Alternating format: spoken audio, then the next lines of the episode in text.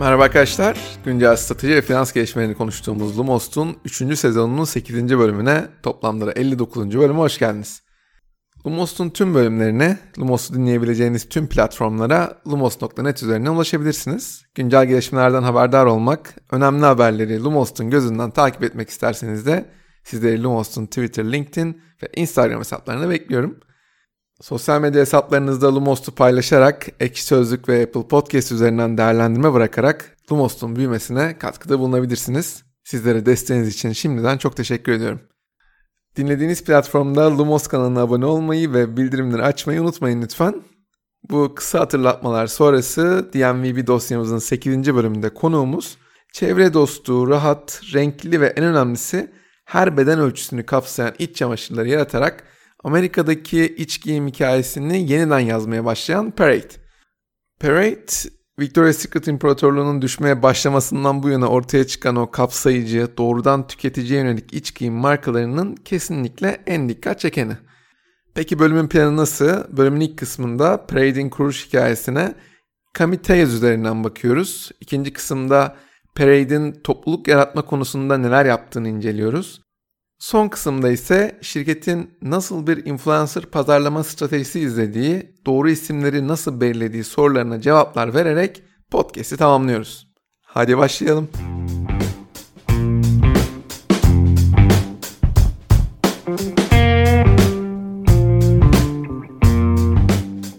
Öncelikle Parade'in hikayesini Kami Teyez üzerinden anlatmaya çalışacağım sizlere. Teyez 1994 yılında Sivil ayaklanmalar nedeniyle Kolombiya'nın Barranquilla kentindeki evlerinden kaçarak Amerika'ya göç eden bir ailenin çocuğu olarak dünyaya geliyor.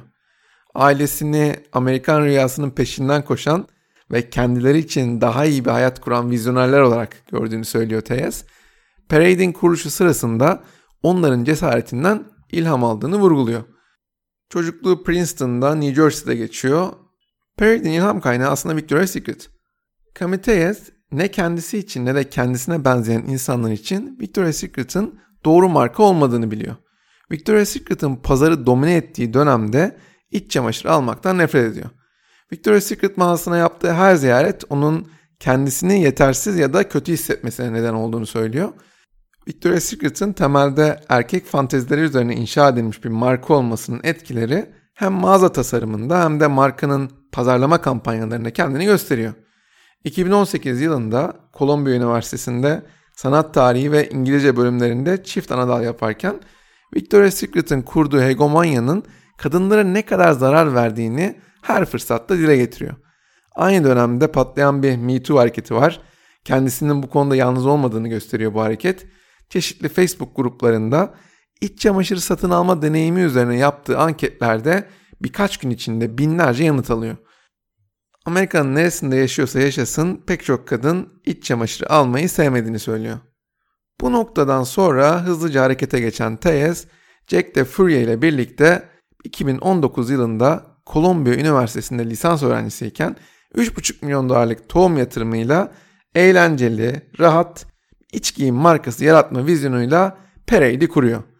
Markanın Parade ismini almasının sebebi kutlama isti verirken toplu bir eylemle de ilgili olması 20'li yaşlarında olmasına rağmen Teyez bir süredir startup dünyasının içinde olan bir isim. Babası Omar Teyez çeşitli teknoloji girişimlerinde üst düzey roller alıyor. Kendisi ise bir online mortgage girişiminde çalışıyor. Venture Capital'da staj yapıyor. Şirketin ilk yatırımcıları arasında bir başka DMVB olan akıllı valiz girişimi Away'den Jen Rubio ve Steph Corey de var. Şirkete tam zamanlı odaklanabilmek için üniversiteden ayrılan Kami, fiyatları 9 ila 13 dolar arasında değişen renkli bir iç çamaşırı serisiyle piyasaya çıkıyor. Ivy League derecesini Amerika'da başarının nihai sembolü olarak gören ailesini düşündüğümüzde Kami Teyez için lisans eğitimini yarıda bırakarak Parade'i kurması oldukça cesur bir karar. Başlangıçta yatırımcılar daha genç bir tüketiciye odaklanan yeni bir iç giyim markasına duyulan ihtiyacı anlamıyorlar. Ama Teyez'in kendisinin bu ürünün hedef kitlesi olması argümanını güçlendiriyor. Kendisinin de Parade'in müşterisi olması kategorinin geleceğinin nasıl olacağını tahminlemesini ve hızla değişen tüketici tercihlerini takip edebilmesini sağlıyor. Victoria's Secret, Calvin Klein gibi köklü oyunculara karşı rekabet edebilmesinin Ancak bu şekilde mümkün olabileceğini söylüyor. Geleneksel olarak iç giyim ürünlerinin çoğu fiziksel mağazalarda satılıyor. Pandeminin etkileri moda endüstrisi için yıkıcı olurken aynı durum iç giyim ürünleri için geçerli değil. İç giyim satışları pandeminin başlangıcından bu yana istikrarlı bir artış göstermeye devam ediyor. Elite Market Research tarafından paylaşılan rapora göre iç giyim endüstrisinin büyüklüğünün 2025 yılına kadar 325 milyar dolar olması bekleniyor. Pandemi, Parade gibi dijital kanallardan büyümek isteyen markalar için çok önemli bir fırsat oluyor. Parade bugüne kadar yaklaşık 40 milyon dolarlık bir yatırım alırken şirketin son değerlemesi de 140 milyon dolara kadar çıkmış durumda. Önceki bölümlerden hatırlayacağınız özellikle DNVB'lere yatırım yapmaya odaklanan Lure Hippo, Greycroft, Cassis gibi önemli VC'lerden yatırım alması değerli. Ayrıca Bonobos, Warby Parker ve Casper'ın kurucuları da Shakira, Carly Close gibi ünlü isimler de yatırımlar yapıyorlar. Yatırımcıların tamamı ana hedef kitlesi Z kuşağı olan markanın çok iyi konumlandığını düşünüyor. Kurucularının da bu jenerasyon üyesi olması markanın bu jenerasyona çok daha kolay erişebilmesini sağlıyor. Çeşitlilikten beslenen Parade başlangıçtan itibaren pazarlama kampanyasında bunu vurguluyor. 57. bölümde uzun uzun konuştuğumuz Glossier'in yaklaşımından da ilham aldığı kesin. Nasıl Emily Weiss Glossier'i gerçek hayat için kozmetik ürünleri şeklinde konumladıysa Camiteyes de Parade'i gerçek kadınlar için iç çamaşır şeklinde konumluyor. Kadınlara dayatılan o gerçekçi olmayan idealleri eleştiriyor. Kampanyalarında kullandığı insanlar farklı ten renklerinde, etnik gruplarda ve vücut ölçülerinde. Bu ana kadar Parade'in kuruluş hikayesini Camiteyes üzerinden inceledik. Şirketin arkasındaki güçlü yatırımcılara baktık. İkinci kısımda Parade'in topluluk yaratma konusunda neler yaptığını analiz etme vakti.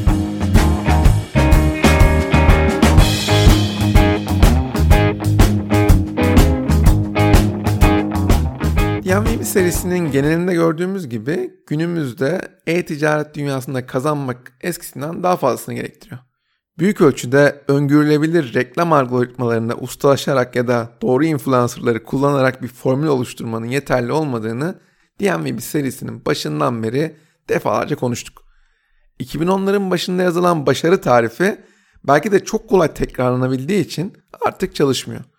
Büyük perakendeciler başlangıçta kendileri için bir risk oluşturabileceklerini düşündükleri DMV'lerden artık çekinmiyorlar. Çok daha büyük kaynaklara, daha iyi bir ölçek ekonomisine sahip büyük perakendeciler bu oyunu kendilerinin de çok rahat oynayabileceğini gördüler artık. Peki günümüzün değişen şartlarında DMV'ler nasıl başarılı olabilirler? Bugün bir DMV'nin başarılı olup olamayacağını belirleyen ana nokta yarattığı komünite. Glossier'in kendi yarattığı komünite üzerinden büyüme stratejisi DMVB'lerin başarı için neye ihtiyaç duyduğunu çok iyi anlatıyor bizlere. Komünite merkezli bir yaklaşıma öncülük ederek kendini farklılaştıran bir Glossier var.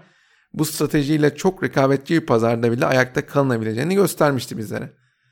Doğrudan tüketiciye şekil değiştirerek doğrudan komüniteye evrilmiş durumda. Küçük de olsa bir komüniteye sahip DMVB'ler onları büyütmeye odaklanıyorlar herhangi bir komüniteye sahip olmayanlar da kaynaklarını bunları oluşturmaya harcıyorlar. İnsanların sosyal açıdan hiç olmadığı kadar bilinçli olduğu bir dönemdeyiz. Böyle bir dönemde insanlar kendilerini iyi hissettiren ve değerlerini paylaşan diğer insanlarla birlikte hareket etmek istiyorlar. Bu da satın alma davranışlarına doğrudan etki ediyor. Bu büyük bir perakendecinin kendi cilt bakım serisini geliştirip Instagram reklamları aracılığıyla satması gibi kolay kopyalanabilir değil. Komünite yaratırken markanın samimi olması da gerçekten önemli. Geçen bölümde konuştuğumuz Anis Company örneğinde olduğu gibi daha güvenli, daha doğal ürünler üzerinden bir komünite inşa ettikten sonra her noktada tutarlılığınızı sürdürmeniz gerekiyor. Bunu yapmazsanız başarının sürmesi mümkün değil. Yani yeni başarı formülü öyle bir komünite yaratmalısınız ki insanlar markanızı kullandığını gururla söyleyebilsin. Parade'in influencer pazarlama üzerinden bana göre oldukça zekice bir topluluk yaratma stratejisi bulunuyor. Şimdi bunu derinlemesine analiz edelim istiyorum.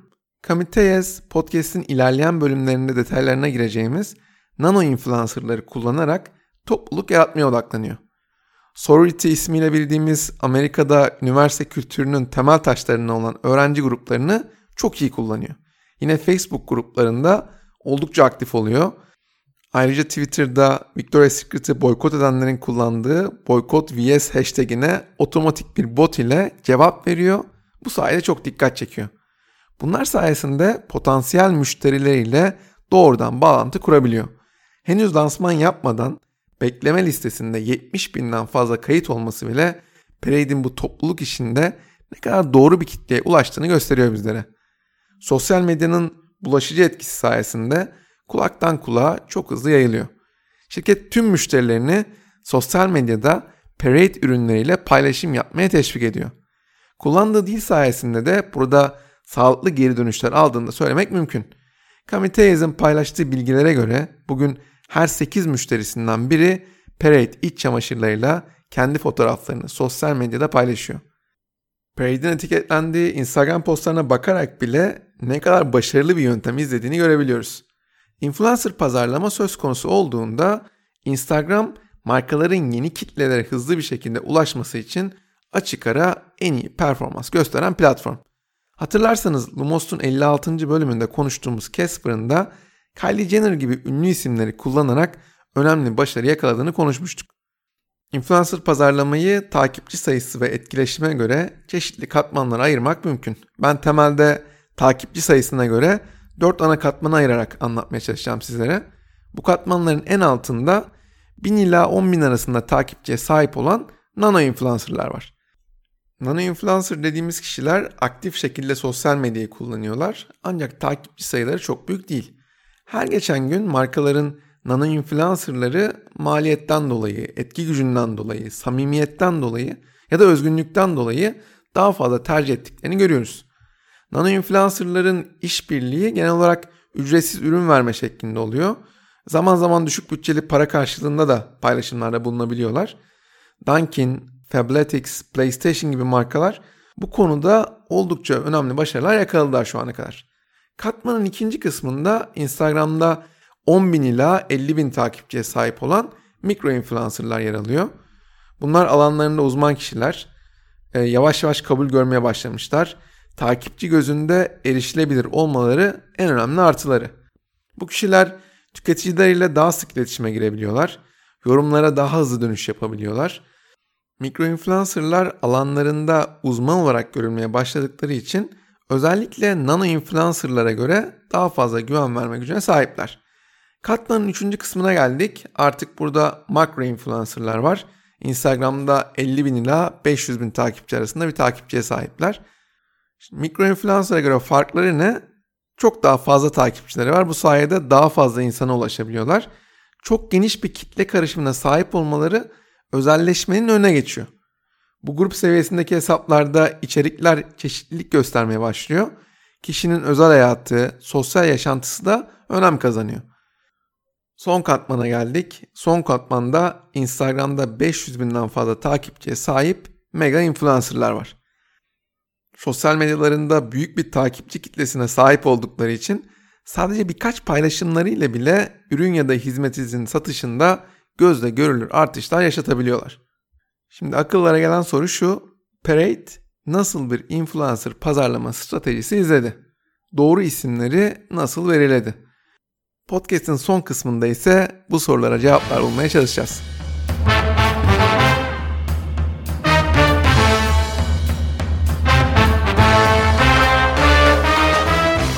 İlk olarak sorunun kısa cevabıyla başlayalım. Parade, nano influencerlar üzerinden bir büyüme stratejisi veriliyor. Sıradan görünen insanların kendi arkadaş çevresine yaptığı bu paylaşımlar viral bir etki yaratıyor. Makro veya mega influencer kullandığınızda çok büyük bir hedef kitlesine ulaşsanız bile bu kitle birbirinden çok farklı alt segmentlere sahip. Bu kullanıcıların ortak yönü göründüğünden çok daha az ama nano influencerlar için bu durum geçerli değil. Takipçi sayıları az olsa da bu takipçilerin ortak özellikleri çok daha fazla. Bu sayede daha az bütçeyle daha spesifik kitlelere nano influencerlar aracılığıyla ulaşmak mümkün. Nano influencerların paylaştıkları içeriklerle reklam algısı oluşturmuyor olması da bence çok değerli. kendisinin gerçekten memnun kaldığı ürünleri arkadaşlarına tavsiye ediyor gibi görünüyor. Birçoğumuz için reklam gördüğünde o reklamı atlayıp geçmesi birkaç saniye. Ancak aynı kişiler arkadaşları paylaştığında gerçekten ciddiye alıp sonuna kadar okuyorlar. Parade kurulduğu dönem kendi Instagram hesabından topluluk oluştururken belirlediği binlerce farklı kişiyle iletişime geçiyor. Bu kişilerden ücretsiz numuneler karşılığında kendi ürünlerini paylaşmalarını istiyor. Nano influencer olarak tanımlayabileceğiniz bu isimlerin birçoğu bunu memnuniyetle karşılıyorlar. Bu fotoğrafları paylaşmak kendi vücutları hakkında da daha iyi hissetmelerini sağlıyor. Daha önce heyecanla takip ettikleri ünlü isimler gibi hissediyorlar. Böyle bir hareketin parçası olmak da onlara mutluluk veriyor. Gönderilen hediye kutuları sosyal medyada binlerce paylaşımı tetikliyor ve bir anda Parade ürünlerine muazzam bir ilgi oluyor. Nano influencerlarla çalışmak şirketin DNA'sının bir parçası aslında. Kamiteyes, popüler iç giyim markaların aksine iç çamaşırı hikayenizi paylaşmak için yüz binlerce takipçiye ihtiyacınız olmadığını söylüyor. Başka bir nokta gençlerin politik farkındalıkları arttıkça markaların gençleri etkilemek için ürünlere daha fazla anlam yükledikleri de bir gerçek. Parade'in yaptığı akıllıca hamlelerden biri de Parade Together hashtag'i kullanılan ve 5 arkadaşın etiketlendiği Parade iç çamaşırı içeren her gönderi için Feeding Amerika'ya 1 dolar bağışlaması. Bugün Parade tasarımlarını Instagram'da tanıtan, geri bildirimlerde bulunarak ürünün gelişmesine katkıda bulunan 5000'den fazla marka elçisi bulunuyor. Marka elçisi olmamasına rağmen on binlerce müşterinin de Parade hakkında çevrim içi paylaşımlar yaptığını görüyoruz. Parade'in Instagram sayfasına girip etiketlendiği fotoğraflara baktığınızda Victoria's Secret'ın yarattığı erkekler için harikalar diyarı konseptinin aksine gayet normal görünen insanların renkli tercihlerini görüyorsunuz. Bugünlerde bir markanın sosyal medyayı bu şekilde ele geçirmesi alışılmadık bir durum değil ama Parade'in bu işin kesinlikle öncülerinden biri olduğunu söyleyebiliriz. Şimdi influencer pazarlama işini biraz daha açalım istiyorum. Kamiteyez'in uzun vadeli marka vizyonu kapsayıcılık ve sürdürülebilirlik üzerine kurulu. Rakipleri gibi neyin havalı olduğunu dikte etmiyorlar. Parade ne yapıyor? Instagram'daki influencerlar üzerinden çeşitlilikten beslenerek aşağıdan yukarı bir pazarlama yaklaşımı benimsiyor. Beden olumlama, LGBTQ, ırksal adaletsizlik gibi konularda fikirlerini paylaşmak istemeyen markaların aksine Parade bu başlıklardan besleniyor. Beden olumlama, LGBTQ, ırksal adaletsizlik gibi konulara odaklanan sayısız kar amacı gütmeyen kuruluşla ortaklıklar yapıyor. Kendi reklamlarında yüksek sesle bu konulara ne kadar önem verdiğini söylüyor. Kullandığı nano influencerlarla da bu başlıklarda ne kadar ciddi olduğunu gösteriyor. Teyz'in kapsayıcı bir iç giyim markası yaratma tutkusunun kendi göçmen kimliğiyle şekillendiğini söylemek mümkün. Parade'in her bir üründe X small'dan 3X large'a kadar farklı beden ölçüleri bulunuyor. Seçilen beden ölçüsüne göre sitedeki resimler de değişiyor. Başta da söylediğim gibi Parade'in Glossier'in yaptıklarından önemli dersler çıkardığını düşünüyorum ben. Emily Weiss'ın başarılı olan birçok taktiğini Parade'de kendi web sitesinde kullanmış. Parade aldığı yatırımlar sonrası ilk fiziksel mağazasını New York'ta açıyor. Tahmin edebileceğiniz gibi Glossier'e benzer şekilde bu mağazada Instagrammable özellikler taşıyor. Şirket 2022'nin sonuna kadar tamamen karbon nötr olmayı hedefliyor. Web sitelerinde yayınladıkları manifestoya göre temel kumaşları %85 geri dönüştürülmüş poliamitten yapılıyor. Ambalajları %100 geri dönüştürülebilir. İnsanların çok sık iç çamaşır satın aldığı bir dünyada bu ürünlerin geri dönüştürülememesinin çok fazla problem olduğunu söylüyor. Tüm ambalajların geri dönüşümlü olması, biyolojik olarak parçalanabilmesi ve elde ettiği karın da bir bölümünün yardım kuruluşlarına bağışlanması Z jenerasyonunun Parade'i kolaylıkla benimsemesini sağlıyor. Şirket Gen Z'yi hedefleyerek yola çıksa da ana hedefleri tüm kadınların gözde iç giyim markası olabilmek. Yavaş yavaş podcast'in sonuna geldik bir kez daha. Sonuç olarak süper modeller üzerinden standartların belirlendiği geleneksel iç giyim markalarının aksine tüm vücut tiplerini destekleyen, rahat, uygun fiyatlı iç çamaşırları yaratmaya odaklanan Parade'in 2 yıl gibi kısa bir sürede net bir fark yarattığı kesin. Victoria's Secret İmparatorluğu'nun düşmeye başlamasından bu yana ortaya çıkan o kapsayıcı, doğrudan tüketiciye yönelik iç giyim markalarının kesinlikle en dikkat çekeni. Beden olumlama, LGBTQ, ırksal adaletsizlik gibi konularda fikirlerini paylaşmak istemeyen markaların aksine bu başlıklardan beslenen Parade'in büyüme hikayesini yakından izlemeye devam edeceğiz. Bir sonraki bölümde görüşmek üzere.